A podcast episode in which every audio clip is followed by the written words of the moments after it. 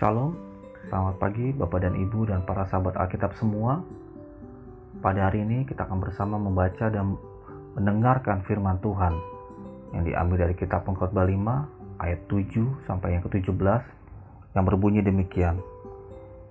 Kalau engkau melihat dalam suatu daerah orang miskin ditindas dan hukum serta keadilan diperkuasa, janganlah heran akan perkara itu karena pejabat tinggi yang satu mengawasi yang lain. Begitu pula pejabat-pejabat yang lebih tinggi mengawasi mereka. Suatu keuntungan bagi negara dalam keadaan demikian ialah kalau rajanya dihormati di daerah itu. Siapa mencintai uang tidak akan puas dengan uang. Dan siapa mencintai kekayaan tidak akan puas dengan penghasilannya. Ini pun sia-sia. Dengan bertambahnya harta, bertambah pula orang-orang yang menghabiskannya. Dan apakah keuntungannya pemiliknya selain daripada melihatnya?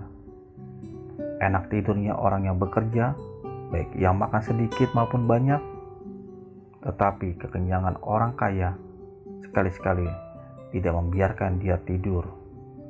Ada kemalangan yang menyedihkan, kulihat di bawah matahari, kekayaan yang disimpan oleh pemiliknya menjadi kecelakaannya sendiri. Dan kekayaan itu binasa oleh kemalangan sehingga tidak ada suatu pun padanya untuk anaknya.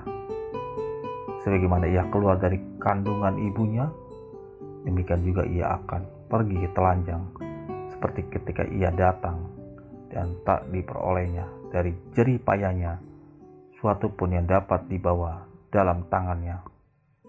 Ia pun kemalangan yang menyedihkan, sebagaimana ia datang, demikian pun ia akan pergi, dan apakah keuntungan orang tadi yang telah berlelah-lelah menjaring angin. Malah sepanjang umurnya ia berada dalam kegelapan dan kesedihan, mengalami banyak kesusahan, penderitaan, dan kekesalan. Lihatlah, orang yang kuanggap baik dan tepat ialah kalau orang makan, minum, dan bersenang-senang dalam segala usaha yang dilakukan dengan jerih payah di bawah matahari selama hidup yang pendek yang dikaruniakan Allah kepadanya, sebab itulah bahagiaannya. Demikianlah pembacaan Alkitab kita hari ini. Tema renungan kita saat ini adalah diberkati untuk menjadi berkat. Penindasan dan ketidakadilan sudah sedari lama ada di dunia dan selalu orang-orang yang lebih lemah menjadi target dari orang yang lebih kuat. Para penindas dan pelaku ketidakadilan ini adalah orang-orang yang menggantungkan harga dirinya pada kekayaan dan kekuasaan.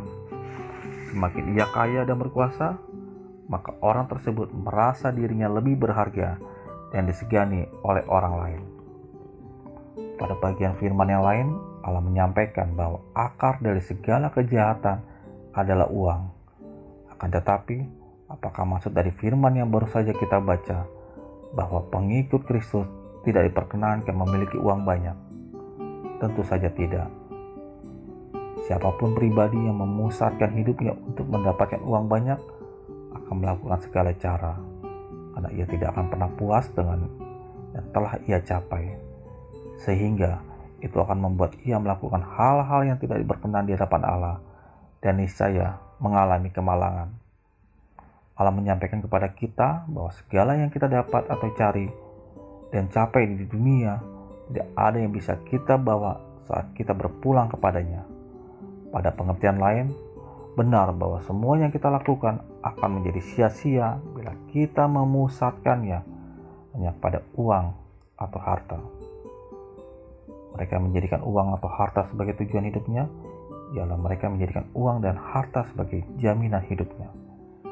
Mereka berpikir bahwa saat memiliki uang banyak, mereka terhindar dari segala kesusahan. Dengan kata lain, kecemasan dan ketakutan yang mereka miliki adalah penggerakan mereka berlaku demikian. Akan tetapi, Allah mengingatkan sekaligus menegur kita Apakah ketakutan kita dapat menambah sahasta dalam hidup kita ini? Apalagi yang perlu kita takutkan bila kita sudah berkenan di hadapan Allah bukan ia tidak akan membiarkan kita hingga tergeletak. Satu tambahan yang menjadi perenungan dan seharusnya kita ingat adalah berkat. Apa pun itu bukan hanya uang. Yang kita miliki bukan sepenuhnya milik kita. Ada orang lain yang berhak mendapatkannya. Ingatlah, kita sebagai pengikut Kristus ada saluran berkat. Blessed to be blessing. Tuhan telah memberkati kita agar kita menjadi perpanjangan tangannya untuk memberkati anak-anaknya yang lain. Salam Alkitab untuk semua.